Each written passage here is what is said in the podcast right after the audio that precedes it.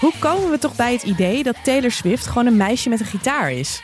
Ja, dat klopt natuurlijk niet. Er zit een heel team achter, plus een familie die heel veel geld in haar carrière heeft geïnvesteerd. Maar wie zijn die mensen en waarom horen we zo weinig over ze? Heb jij ook altijd al willen weten wie Tree Payne is en waarom Jack Antonoff zo belangrijk is voor Taylor's carrière? In Taylor's era duiken we erin en leggen we het je uit. Wie zijn de mensen rondom Taylor Swift en hoe belangrijk zijn ze eigenlijk? Luister nu naar Taylor's era op Podimo en Spotify.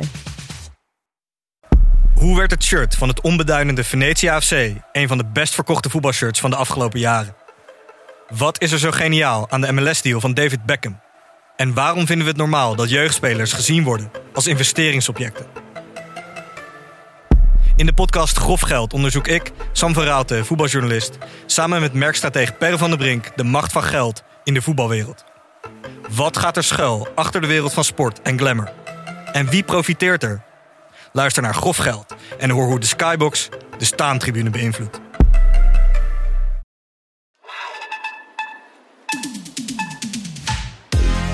Welkom bij Schaamteloos Stedelijk, de podcast over alles dat je wel bent, maar niet wil zijn. Mijn naam is Doortje Smithuizen. Naast mij aan de keramiektafel zit Perre van der Brink.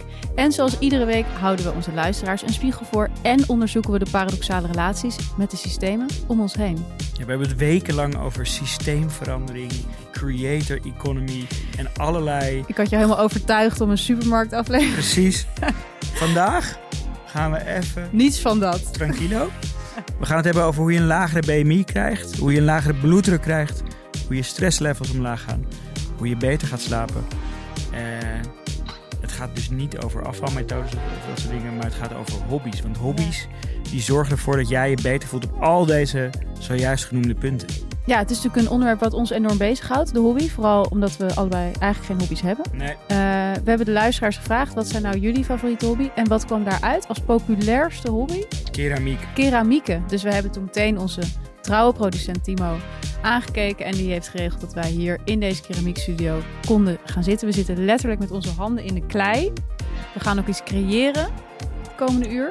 We gaan onderzoeken waar hobby's aan moeten voldoen. Ja. Wat, wat de rol is in, uh, van hobby's in onze maatschappij. En of het nou leuk is, dat keramieken of niet. Maar eerst nog even naar de actualiteiten.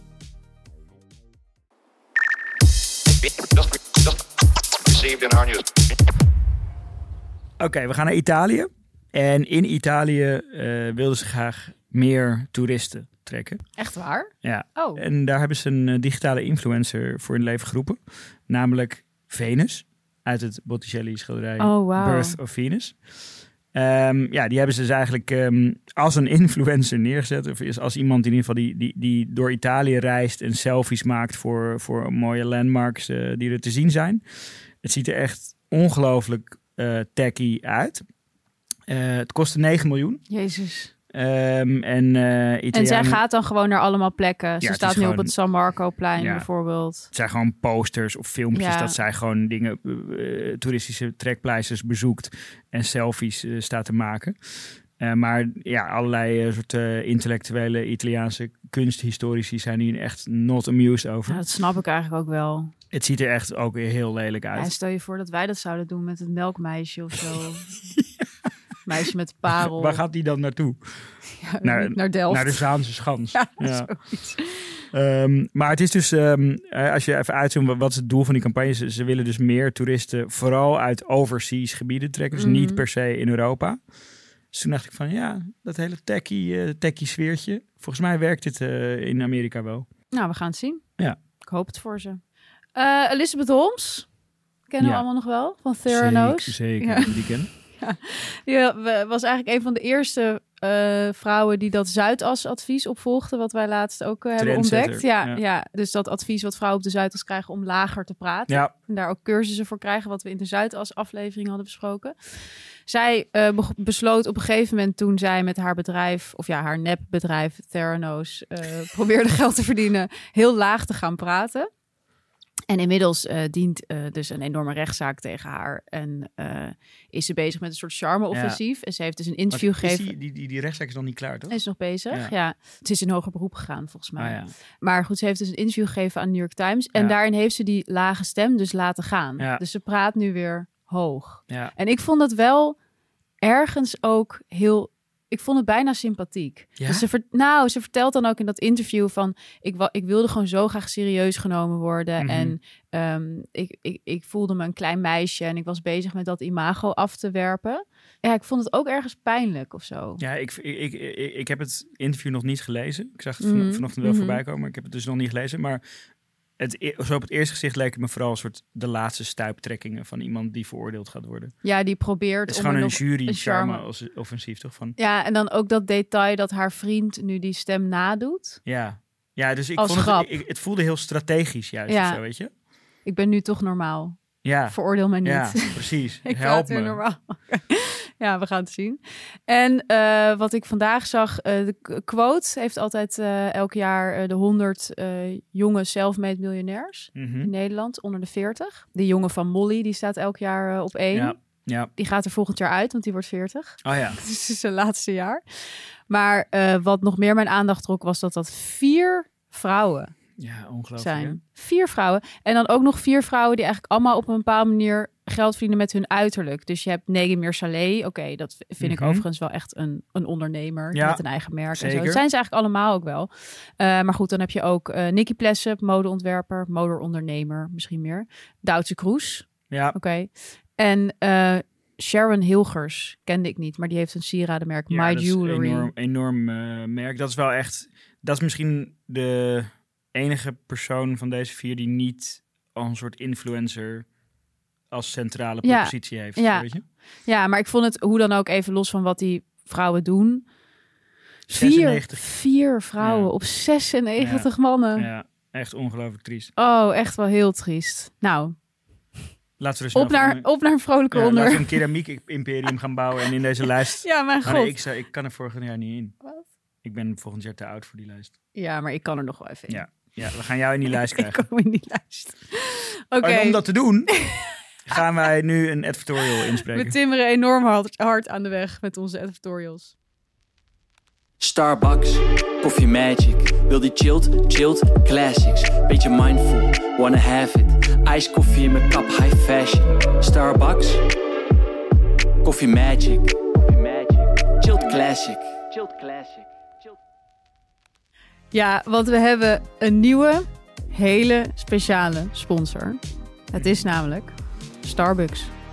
En dan niet zomaar Starbucks, maar de Starbucks Chilled Classics. IJskoffie. Ijskoffie van de Starbucks. Ja. En het wordt aanbevolen, Perre, wist jij dat? Dat mensen elke 60 tot 90 minuten even 10 minuten de tijd Ja. nemen om te pauzeren. Ja, om ik, gewoon ik, even, haat, ik haat deze statistiek. even bij te komen van het leven. En wat kan je nou beter consumeren in zo'n moment dan Een, een ijskoffietje. een chilled classic, zodat je zelf ook weer wat chiller wordt. En dan wilde ik eigenlijk aan jou vragen, wanneer was het laatste moment Ja. dat jij eventjes die 10 minuten pauze had moeten voelde de vraag al een beetje ja, aankomen. dat dacht ik al. Eh, eh, ik haat deze statistiek omdat ik dat dus nooit doe. Ja. Ik heb erover nagedacht en, en eigenlijk van, eh, is het vandaag. Oké, Zojuist. Ik heb hem ook zojuist opgedronken. Mhm. hij staat Waarom? hier naast ons op de keramiek tafel. leeg Ja. en wel. Ja. Was erg lekker. Maar, ehm, en dit is ook een beetje in het thema van deze aflevering. Ik, ik ehm, was met een van mijn hobby's eh, bezig. En toen besefte ik me hoe erg die hobby ook in dienst staat van efficiëntie in mijn dag. Dus ik ging, ik had eerst een paar meetings, toen moest ik boksen. Toen moest ik zonder te douchen naar het schoolplein om mijn kinderen op te halen.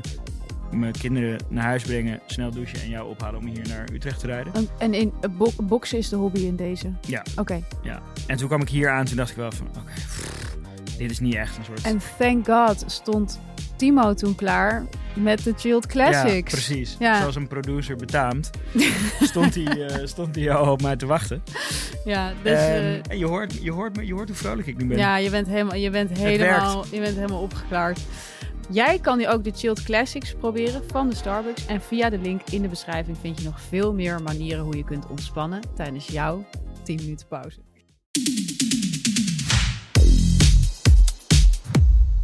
Ja, het was het onderwerp wat je wist dat zou komen, hè? De hobby's. We hebben er lang omheen gedraaid. We hebben het dan een hele tijd geleden al een keer ge- ge- genoemd, volgens ja, mij. hebben we het al En toen heel lang ontweken. heel lang ontweken, omdat wij natuurlijk ons allebei een beetje... Wij voelen ons gemankeerde hobbyisten, Ja, want we hebben geen hobby.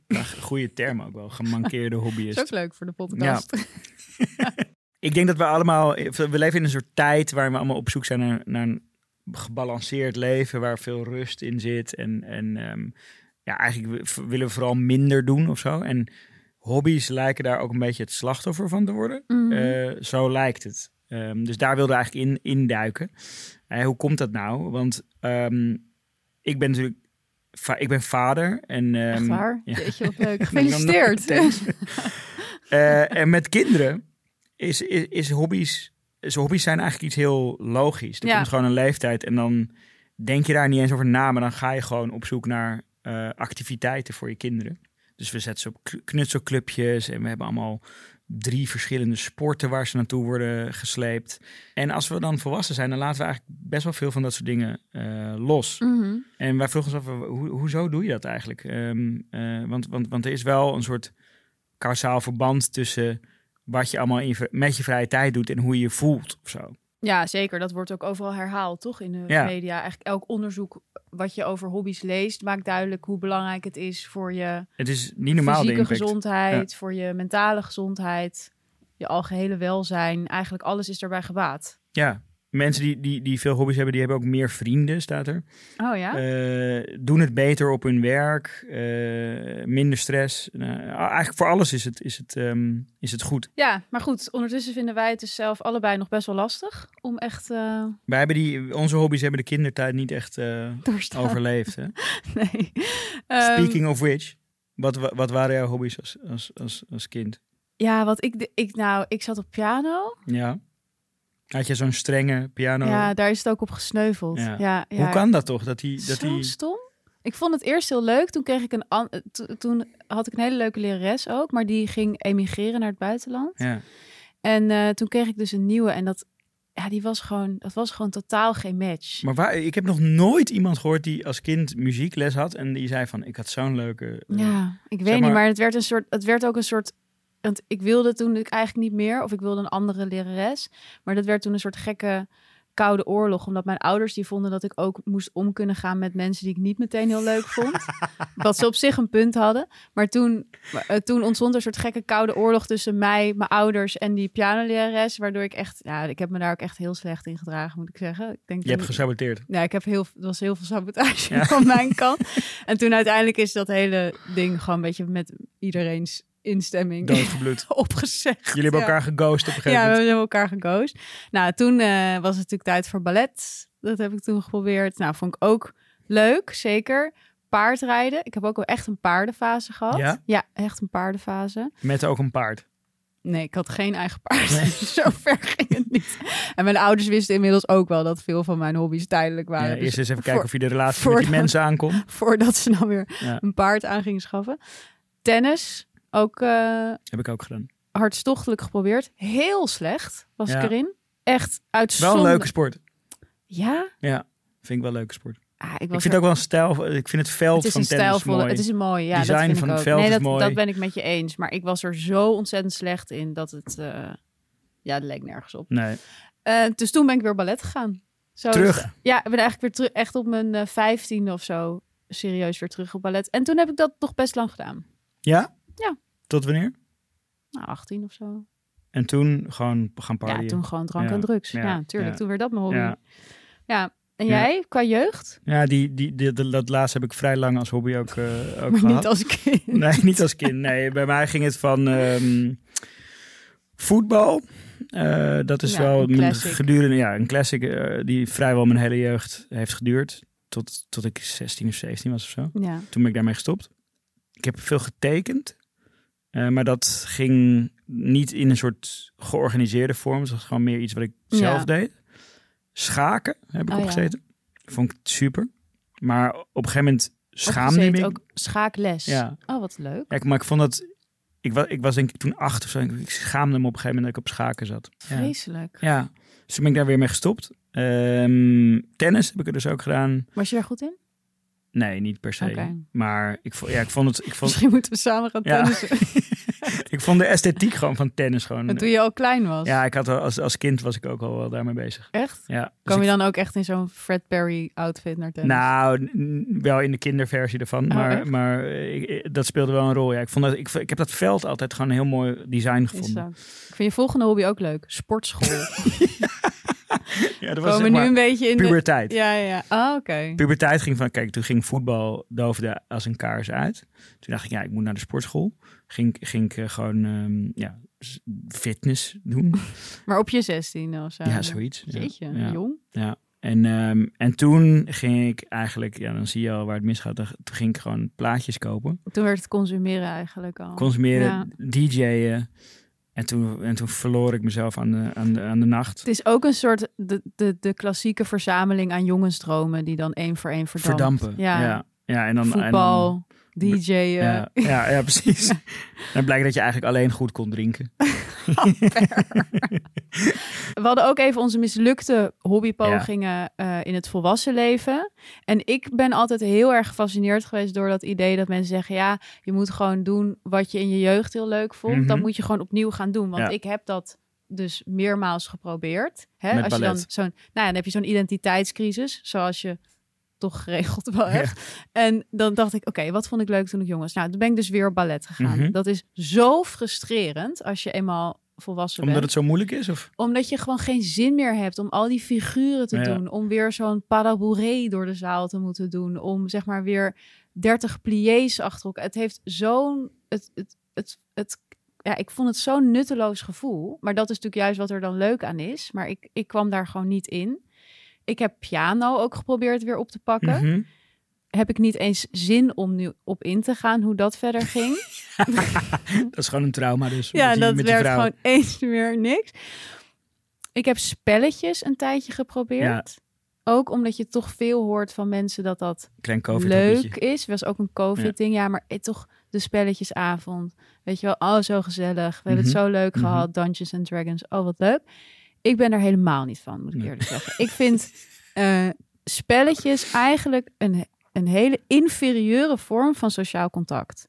Ik denk dan, ga lekker met elkaar om tafel zitten, heb het leuk. Ja. Maar zo'n spelletje heeft een soort van, ja, we weten eigenlijk niet zo goed wat we met, met elkaar aan moeten, dus doen we maar een spel. Ja. Zo voelt voor mij een spel. Maar ik, ik, ik, ik snap het. Ik En snap jij? het. Ja. Ehm, ja, mijn mislukte ehm, pogingen.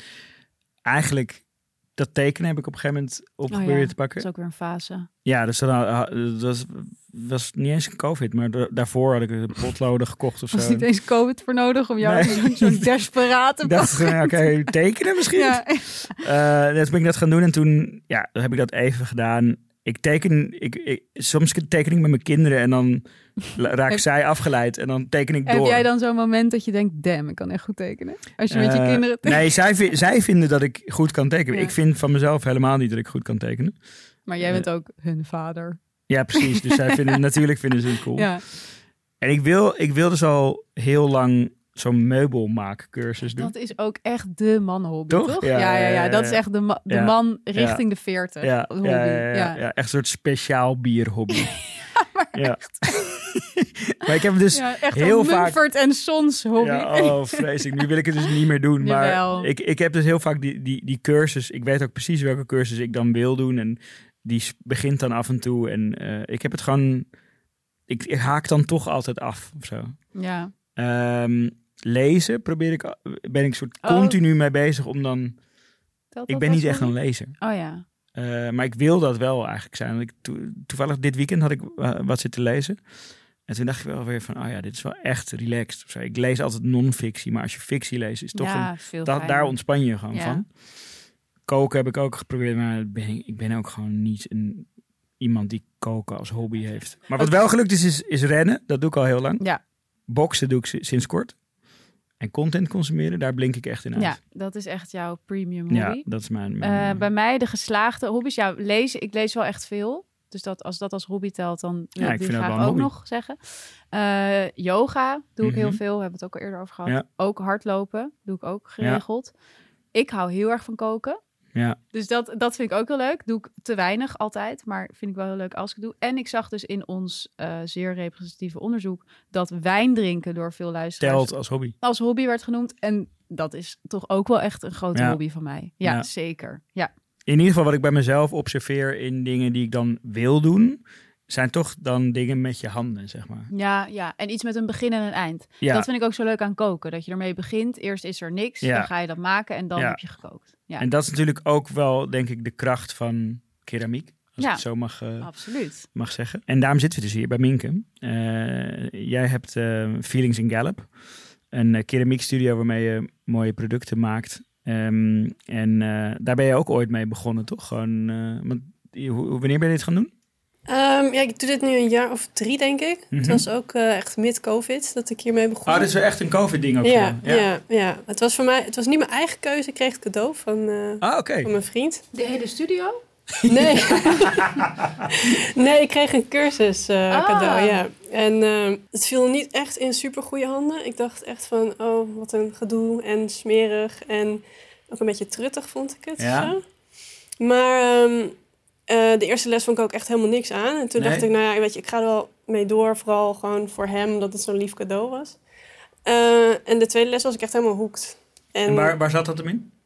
Ik denk toch wel het, eh, het tactiele Mhm. en ehm, ja, weet je, het trage. Ehm, en ook, ja, ik weet niet, ehm, ik ben zelf ook een beetje een productiviteitsjunkie. Ja. En met keramiek kan je gewoon heel veel maken. Dus je hebt echt gewoon een soort Ah, productie of zo. Kijk, En nu ga ik meteen aan. ja, ja. Nee, Ja. dus dat vind ik wel fijn. schalen. Ja, ja, ja. nee.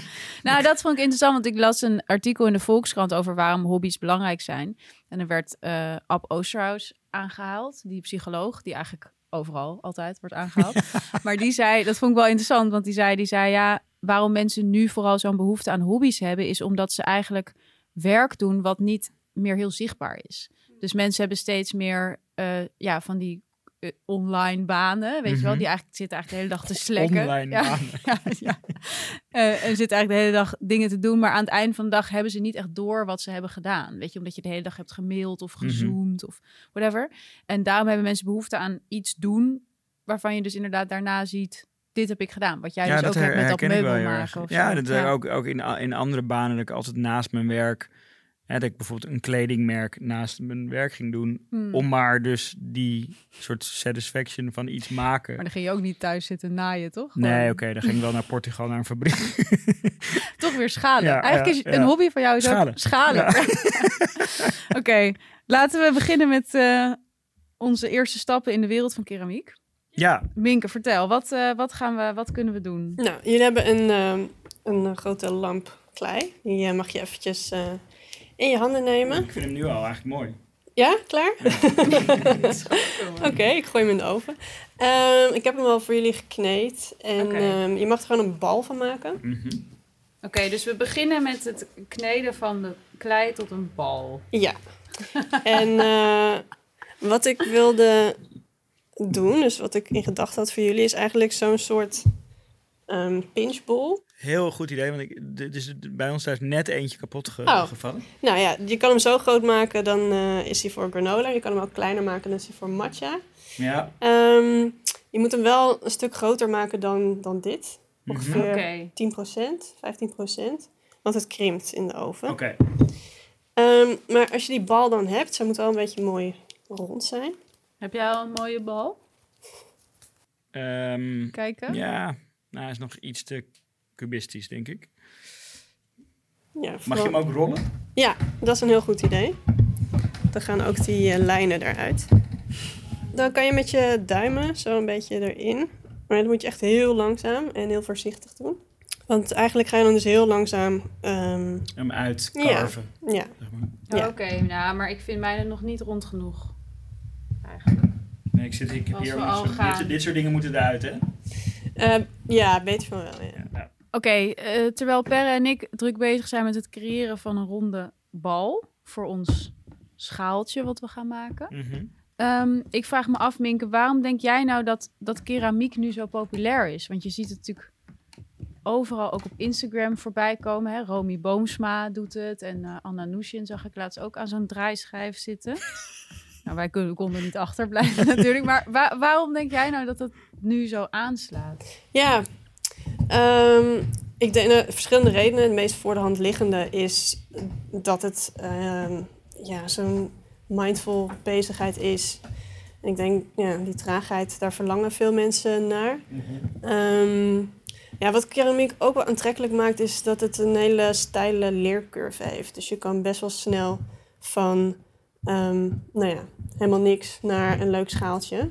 En dat is anders dan met tekenen of, of schilderen of zo. Nou, en ook wel, an- want ik heb wel eens één keer zo'n cursusdag gedaan met zo'n draaischijf. Nou, daar kwam ik helemaal gefrustreerd Ja, nee, maar dat is echt heel moeilijk. Ja, toen had ik het, na, na drie uur had ik nog een soort, had ik een soort hoopje klei Oh ja. alleen maar. Oh. Wat denk je dat de rol van social media i- i- in die hobby is? Ik denk dat die echt gigantisch is. En Ja. ook ehm, dat bijvoorbeeld... Je ziet een bepaalde esthetiek in, eh, in keramiek. Hè? Van Ja. die vazen met eh, eh, een soort van halve, halve borsten van een, van een vrouw. Ja, ja, ja. En ook heel veel boobie eh, bekers. En ook, Boebiebekers. ja, dus er zitten er twee van die tietjes op zo'n beker. Eh, maar ook van die, van die kopjes met zo'n soort golfje als, als, als, als ja, ja, ja, dus weet je, het, het, blijkbaar slaat het gewoon die esthetiek heel erg aan op dit moment Ja. bij ja, veel, veel jonge mensen. Ehm, en dat is natuurlijk ook een reden, dan gaan mensen denken van, oh, dat wil ik ook maken. ja. Ik wil even een kleine update over het, eh, het project. Want ik krijg wel allemaal barsjes hier. Ja, nee, dan eh, moet je even met een eh, sponsje. Heb jij ook barsjes per? Mm, nee. Oh nee. nee. Ja, ik denk, Oh, het wordt bij jou natuurlijk veel mooier. Dat ineens realiseer ik Oh, me dit. Jij gaat natuurlijk een heel mooi schaaltje maken. Ja, ik ben nu heel deze. bang voor de barsjes. Ja, Ja, maar ik geef je Maar ook jij een... hebt eh, helemaal nul barsjes. Nee, ik heb nog, nog niet echt barsjes. Ik ben ook al helemaal zen nu. Jij? Ja, ik vind het wel ontspannen, ja. Wat is je techniek? Eroverheen aaien. Ah ja. Kijk, dit zijn ook allemaal metaforen voor het leven. hè? Ja. En, en het ook, je kan barsten ook niet voorkomen. Nee, Dat je is moet hoe gewoon het licht, aaien. Dat is hoe het eh, licht je naar binnen komt. aaien. Ja. En dan vanzelf wordt het leven een kommetje. Er komt echt een heel nieuw persoon uit je. Eh, Minke, heel erg bedankt voor jouw uitleg. Wij gaan even door met eh, ja, kleien en praten tegelijk eigenlijk. Zo Mhm. goed en zo kwaad als het gaat.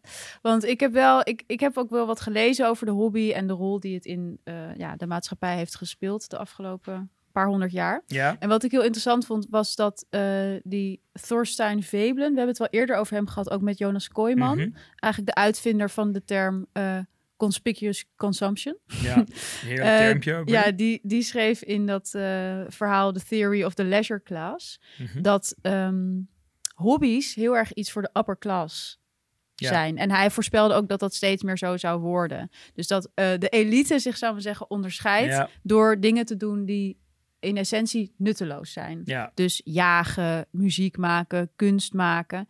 En natuurlijk, eh, ja, de middenklasse bijvoorbeeld, die moet zich veel meer beter hou- bezighouden met nuttige dingen, omdat ze dat nodig hebben om te overleven. eigenlijk een soort van vorm van quiet luxury. Ja, eigenlijk wel, maar Toch? het is toch interessant dat we eigenlijk nu in het, als je kijkt naar nu de elite, of, of ja, eh, bijvoorbeeld die lui waar we het net over hadden, in die, Mhm. quo- die jonge Mhm. miljonairs. Ik denk niet dat die heel Die veel hebben- tijd Nee. besteden aan jagen en, nou, Nee. maar, maar snap je, aan Die zijn- hobby's. Die, zijn, altijd aan het werk. Je moet gewoon 24-7 ondernemen. Nee, dus dat, dat vond ik wel interessant. Dat eigenlijk die voorspelling toen dus was van de hobby wordt echt iets voor de elite. Terwijl als je nu kijkt, we hebben daar natuurlijk ook eerder over die, in die aflevering over eh, workaholism Mhm. gehad.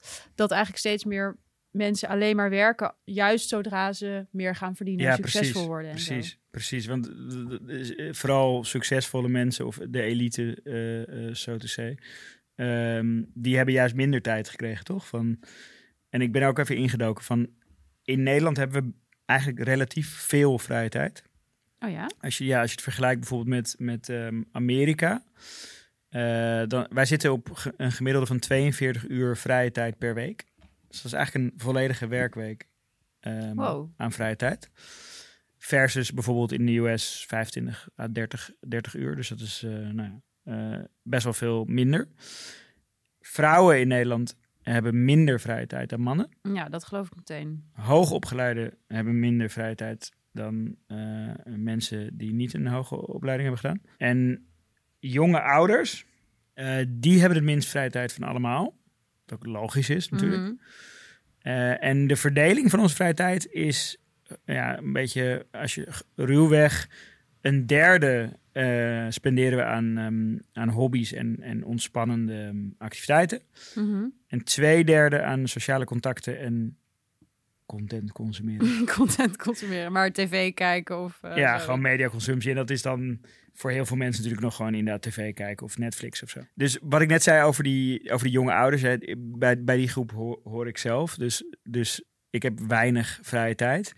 Ehm, en ik merk dat ook aan de dingen die ik doe, dat, dat, dat ik daar ook, ehm, ja, dat, dat, die, dat die beschikbare tijd ook een beetje bepaalt wat ik doe. Dus eh, hardlopen is voor mij een hobby geworden, omdat het een efficiënte sport is. Weet je, je, je, je, je stapt de deur uit, je rent, je komt terug en je, en je kan weer door of zo. Weet Ja. je? Er zit geen waste qua, qua tijd. Je hoeft niet met de golfclubs eh, naar Nee, te rijden. precies. Je hoeft nergens naartoe. eh, je kan het overal ook doen. Weet je, dus ook als je op reis bent of zo. Er, er zit geen. ja, het is, het, is, he- het is heel efficiënt.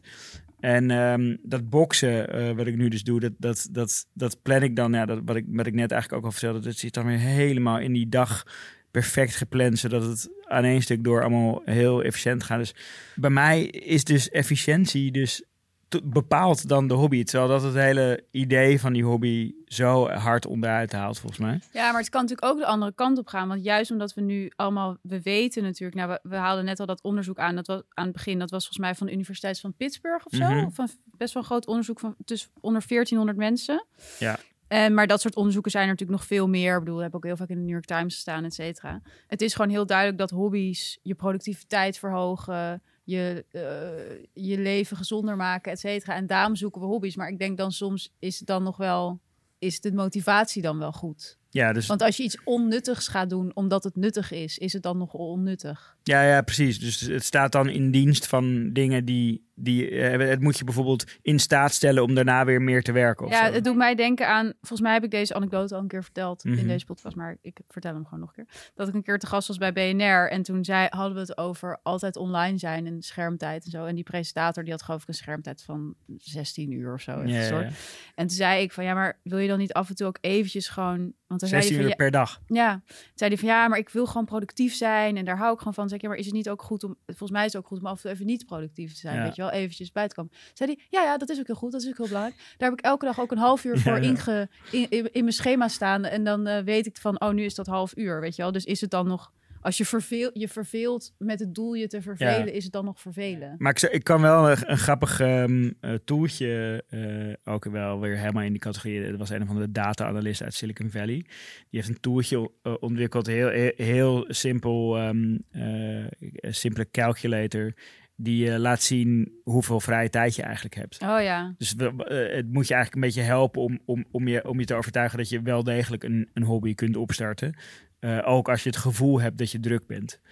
Dus dan moet je gewoon een aantal dingen invullen en dan komt eruit van... je hebt zoveel vrije tijd per week om iets leuks mee te gaan doen. ja, jij hebt dat gedaan, hè? Ik heb het gedaan, ja. En? Ja, daar kwam er niet een kwartier over. Ja, ik had 3,5 uur in de week over. Echt? Ja, ja ik vond het wel echt Dat is best echt wel... heel weinig. Ja, ja, dus dat is... Dan kan je eh, echt net een film in kijken. Wat is 3,5 uur? Dus 200 minuten gedeeld door 7. Ja, dat is een half uurtje per dag of zo. Echt heel treurig. Ja, dat is wel echt heel weinig, Ja. hoor. Dus ik moet, ik moet eh, eigenlijk... Dan de- kan de- je nooit een meubel maken in die tijd. Nee, precies. precies. Dus de, de conclusie is sowieso dat ik dingen moet elimineren uit mijn leven. Ja. Ehm, Wat gaat er denk je worden geëlimineerd? De podcast? nee, zeker niet. We hebben ook net Ehm, bijgetekend bij dag. Ja, precies. Gaan juist meer podcasts maken? Goeie vraag. Een van je kinderen. ja, die ruil ik in. En, Ja. eh, nee, ik denk dat ik gewoon... Ja, ik, ah, wat erg. Ik wilde, ik wilde dus gaan zeggen, ik denk dat ik efficiënter met, met mijn werktijd moet omgaan. En toen kreeg je een melding. Toen hoorde ik ook nog een meldingje van, van mijn laptop. Maar ja, ik denk dat dat wel de... Ja, ik, eh, daar, daar zal het in moeten zitten. In, Maar in- hoe kan jij nog efficiënter met je werkdagen omgaan? Want je staat al elke dag om vijf uur op. Ja, misschien gewoon minder werken. Nou ja, dat is ook een Ja. idee. Ja, dat, kan, dat kan natuurlijk. Wat ik nog wel grappig vond ehm, in mijn eh, kleine hobbyonderzoek, was dat wat je dus nu ziet, is dat dingen die vroeger eigenlijk nut hadden Ja. voor de mens, Ja. om te overleven, en nu niet meer, dat dat dus hobby's worden. Ja, Dus bijvoorbeeld als je kijkt naar tuinieren, het hebben van een moestuin, dat hadden mensen vroeger gewoon om, dat ze eten. nodig hadden. Ja, en nu he- ko- kopen dat gewoon bij de supermarkt. Eh, dus vinden we het ineens een hobby. En hetzelfde is natuurlijk ook met eh, nou, meubels maken bijvoorbeeld. Vroeger Ja. maakte je gewoon meubels omdat je meubels nodig Ja, had. En nu vinden we dat precies. Nu vinden we dat heel leuk. En dat is natuurlijk ook met ehm, nou, wat wij nu doen, dat kleien. Je, we hoeven niet meer onze eigen kopjes te kleien. Dus gaan we het als- tot hobby maken. Dat Dus vond ik wel er grappig. zit ook een soort nostalgie dus in, toch? Ja, en er zit natuurlijk sowieso nostalgie in hobby's. Want waar we het eerder al over hadden, hè, dat mensen toch graag eh, hobby's doen die ze vroeger ook hebben gedaan. Ja. Dat daar een soort van eh, terugkeer naar je eigen jeugd is. Daar heeft eh Baudrillard heeft daar ook interessant over geschreven. Dat je dus Mhm. eigenlijk twee... Hij zei, je hebt eigenlijk twee soorten mensen die van die op een maniacale manier zeg maar met iets bezig kunnen zijn. Ja. Dat zijn zeg maar kleine jongetjes en mannen boven de 40. en ik denk dat dat best wel zo is. Dat het een soort dat die hobby's ook een soort manier zijn om terug te keren naar die onbe- onbezonnen, ja, dat monomane wat je kan hebben als kind. Weet je, dat je helemaal geobsedeerd bent door flippo's of zo, weet je wel? Ja, Dat heeft ja. iets heel lekkers en ook iets heel ja, bevrijdends. Ja, ik. klopt. Ik moet wel zeggen dat inderdaad, als ik mijn, als ik mijn zoontje, die dus nu helemaal in, in voetbal loophole eh, is gedoken. Ik geniet er, ik kan er echt van genieten als, Ja, ik, hem, als ik hem dat zie doen, inderdaad. Zo van, oh, bijna jaloers op dat gevoel. Op dat eh. gevoel. ja, dus dat zal inderdaad diezelfde nostalgie zijn. Heb jij veel barsjes? Nee, je hebt echt nul barsjes. Oh, je hebt Nou. wel ook wel barsjes, ja. Ik vind die barsjes ook echt wel iets moois hebben. Ja, maar hoe had je, hoe Nee, je moet je met zo'n spons. Ja, je hebt iets te laat ingegrepen, denk ik. Shit.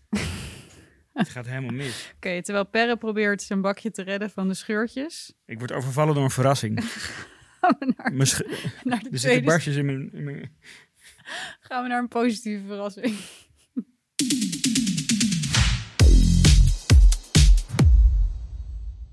We hebben nog steeds een leuke sponsor, Surprise Me. Eh, en daarmee boek je dus een citytrip of een roadtrip naar een onbekende bestemming. En dus je hoeft niet langer te controlfreaken, Doortje. Eh, je hebt geen eindeloze to-do-list die je van tevoren hoeft te maken. Maar je gaat gewoon en je ziet gewoon waar je uitkomt. Ja, en wat ook heel goed is om te vermelden, is dat het dus niet alleen vliegreizen zijn die Surprise Me aanbiedt, maar ook treinreizen. En dat kan je ook aangeven. Dat je Ja. liever met de trein gaat dan met het vliegtuig.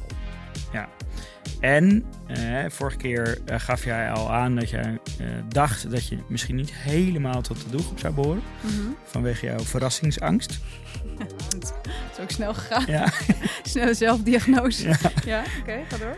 Maar je kan dus een bucketlist doorgeven van plekken waar je, waar je heel graag heen wil. Dat neemt hij dan mee in de, ja, laten we zeggen, loting van waar jij eh, dan uiteindelijk uitkomt. Ja, ja, dus het is een soort semi-gecontroleerde verrassing. Maar Heb jij steden die daarop zouden staan?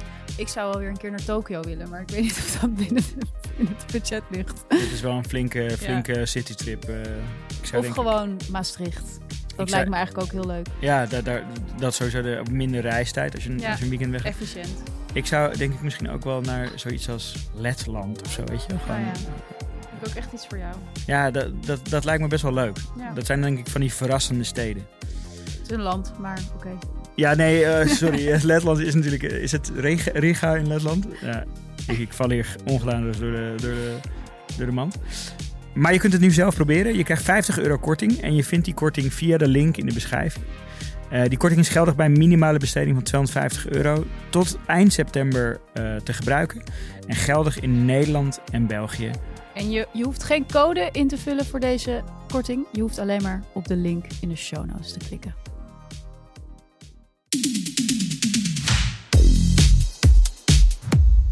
Oké, we gaan naar iets nieuws. Wat we in onze podcast vaker willen gaan doen. Ja, Namelijk representatief onderzoek onder onze luisteraars. ja. Interactie met de luisteraar. interactie met de community bouwen. Zoals Oh, wat zijn we dat, allemaal eh, close met elkaar. Ja. Ja. en daar kwamen best wel leuke dingen uit. Eh, ik denk eerste, eh, we hebben in totaal ruim 400 hobby's als input gekregen. ja. We hebben daar natuurlijk een beetje de, de, de, mm, de, de data geanalyseerd en, eh, en eh, lering uitgetrokken. Eerste take-out. Mensen weten niet helemaal het verschil tussen een, een interesse of een, of een hobby. En een hobby en gewoon consumeren. Ja, Ja, ja. dat koffie drinken is geen hobby. is, is Nee. geen hobby. En ik dacht ook, ik zag heel veel mensen bijvoorbeeld zeggen borrelen, Ja. wijn drinken, Nee. uit eten gaan. Ja, sorry. Dan, Uit eten gaan kan. maar dan ben ik echt een hele grote hobbyist. ja, dat, dat ja, een ja, hobby ja, is. Dan spendeer jij extreem Ja, veel tijd aan hobby's. super aan het hobbyen. Ja, ik denk, ehm, eh, ja, eigenlijk waar we het eerder in de aflevering over hebben, dus, dus de behoefte om iets te maken met je handen eh, Ja. is een zeer duidelijk aanwezige Die is trend. groot, ja. En die vertaalt zich dan ook in de nummer één genoemde hobby van keramieken. Ja. Wat ik best wel opvallen. eh, Ik bedoel, ik, ik, ik zie echt wel om me heen mensen die dat, die dat doen. En, je- en je ziet het op social media natuurlijk eh, best veel. Maar ik had niet verwacht dat dat letterlijk de meest genoemde hobby zou zijn. Ja, en dat onze luisteraars allemaal zo de tijd ervoor nemen ook. Ja, echt. eh, Waar halen ze de tijd vandaan? Nee, precies. en, en dan oh, vlak daarachter zat ook haken en breien. Ja, dacht ik, wow, oké. Zo Dat braaf dit- allemaal. Ja, heel braaf. Zo braaf. Tuinieren ook maar goed, trouwens. wielrennen, Ja, dat vond ik ook wel enigszins een shock. Ja. Dat sowieso toch- heel veel sport. Hè. Dus Dat- eh, sport als, als categorie, Ja, eh, bijna 40% maar ik van... vraag me daarvan ook af, is sport een hobby? Ja, ik vind sport wel een hobby. Maar dat doe je ook om gewoon fit te zijn, toch? Het heeft ook echt een functie in het leven. Ja, maar dat, het is toch wel, je doet toch wel altijd een sport omdat je die sport ook leuk vindt, toch? Behalve misschien sportschool. Train jij met je personal trainer omdat je het leuk vindt? Eh, nee, maar dat, dat, dat, dat, dat hele fitness of dat cardio eh, gedoe vond ik ook op een gegeven moment niet meer leuk. Maar het boksen wel. Ja, ja. En dan, dan, dan, is het technischer en dan leer je iets of zo. Dus, dus dat, dat, ja, ik vind sport wel echt een hobby, maar behalve sportschool. Oké, sport is een hobby. Behalve sportschool. Ja, sportschool telt niet, vind Oké. ik. Nou, ik vond het ook opvallend dat mensen toch ook wel van die beetje van die eh, COVID-achtige hobby's blijkbaar gehouden hebben. Mhm. Dus ehm zuurdesem was een ja, veelgehoorde ja, ja, hobby. Fermenteren, ook een veelgehoorde hobby. Eh, wandelen, ja, en daar zeiden mensen ook bij van dat is een COVID-hobby. Dus dat was wel, daar blijkbaar zijn toch tijdens die pandemie wel eh, blijvende hobby's ontstaan. Ja, ja het is dan het, het, enige wat er, wat er in onze levens gebleven is van de pandemie, ehm, zijn de hobby's dan dus. Ja, dat Alle en, andere eh, voornemens eh, hebben we gewoon aan de wil En gegangen. ontzettend veel van die flesjes handgel. En als om af te sluiten, even de, de honorable mentions. eh, dus de, ja, de, de, de, de, de, ja, de lijpste input die wij hebben ontvangen. En de hobby's die wij misschien ook wat meer willen, willen promoten. Ja, Ja. Nou, mijn favoriet by far. Ketamine snuiven en dissociëren van kapitalisme. ja, dat vond ik een hele unieke hobby.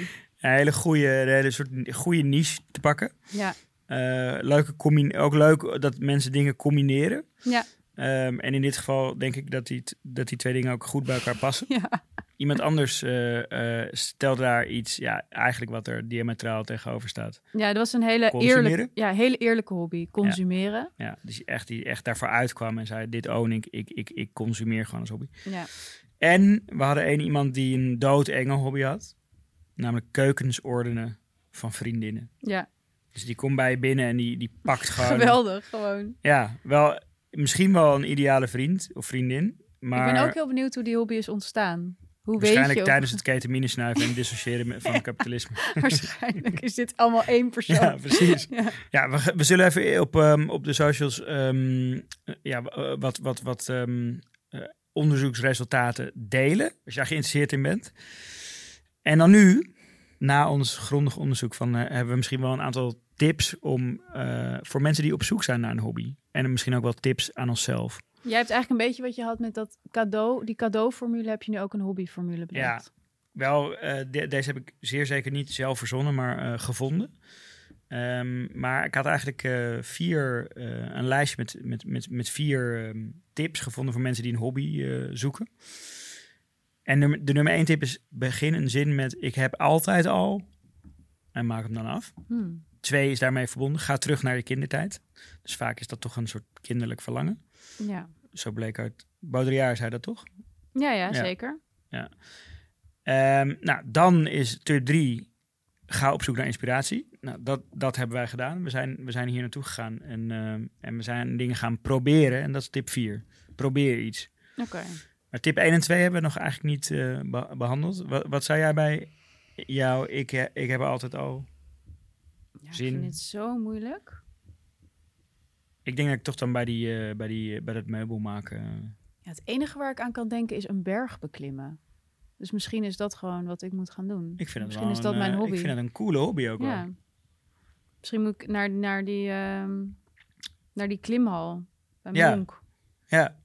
Ja, en dan, eh, maar dit, de- deze hobby kan je ook heel extreem, eh, kan je dus inderdaad indoor in het klein Beginnen. doen. Ja.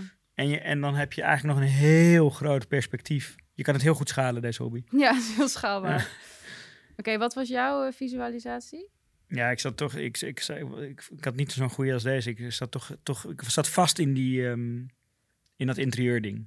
Ja, Dus ik moet, misschien moet ik gewoon die cursus eh, gewoon kopen en dan vergeten dat ik hem heb gekocht. En dan, oh ja, shit, het begint volgende week. ja, Ik ga het gewoon proberen. ja, denk het wel. Ja. Ik vind maak ook er gewoon wel, tijd Ik vind voor. ook wel iets voor jou om zeg maar nu alvast een interieurmerk te beginnen. Dat je dan weet, Ja, dat- van, dan moet ik het doen. Ja. Daar, is deze, daar is deze hobby ook wel een beetje op gestoeld. Hoe gaat het met jouw eh, creatie ondertussen? Ehm, ja, ik zit, ik zit wel echt met een pro- scheurprobleem. je hebt een barstjesprobleem. Ja. Dus ik, ik, ik weet niet hoe ik dit kan oplossen nog. Eh, Het, het, het, Ik heb eh, het idee dat ik moet stoppen, omdat ik anders Ja, dus- meer slecht ga doen dan goed, weet je wel? Ja, dat heb ik ook wel een beetje. En ik bedoel, die barsjes zijn echt... Ik een- vind die wel mooi eigenlijk. Ja? Ja. Maar eh, wat Minke net zei was dat, dat hij ging krimpen in de oven. Nou, ik weet niet Oh. eh, hoeveel granola jij in je, in je bakje doet. Maar dat bakje voor mij, dat wordt dan echt... Wordt meer een espresso kopje. ja, precies. nou, dat is ook heel mooi. Zeker. Het was altijd al een espresso Ja. kopje. Wat hebben we hiervan geleerd? Van- Alles kan een hobby zijn, als je het maar Behalve wil. sportschool. Behalve de sportschool. Ja. Klei je kopjes en bakjes altijd iets groter dan je ja. wil, want anders wordt het ze te klein. En we begrijpen wel de, de hype, toch? Ja, Ik, ik, vind het wel echt leuk om te doen. ik vind het heerlijk. Ik heb echt, ik, ik heb eerlijk gezegd me echt door deze aflevering heen moeten worstelen. Ik had helemaal geen zin om te praten. En jij gaat bij onze sponsor eh, op jouw bucketlist de Himalaya invullen. ja, Eh, de Grand zodat jij- Canyon. ja, ja, 100%. ja. 100%. Succes daarmee. Dankjewel. Ja, en we gaan natuurlijk wel onze producten van deze dag, het vrucht van ons hobbyisme, laten zien aan jullie. Dus hou onze socials in de gaten daarvoor. En ehm, wij zijn helemaal uitgerust. We zijn heel erg uit. eh, we zijn aan het uittunen. En we spreken jullie volgende week. Succes met het vinden van een nieuwe hobby. Doei.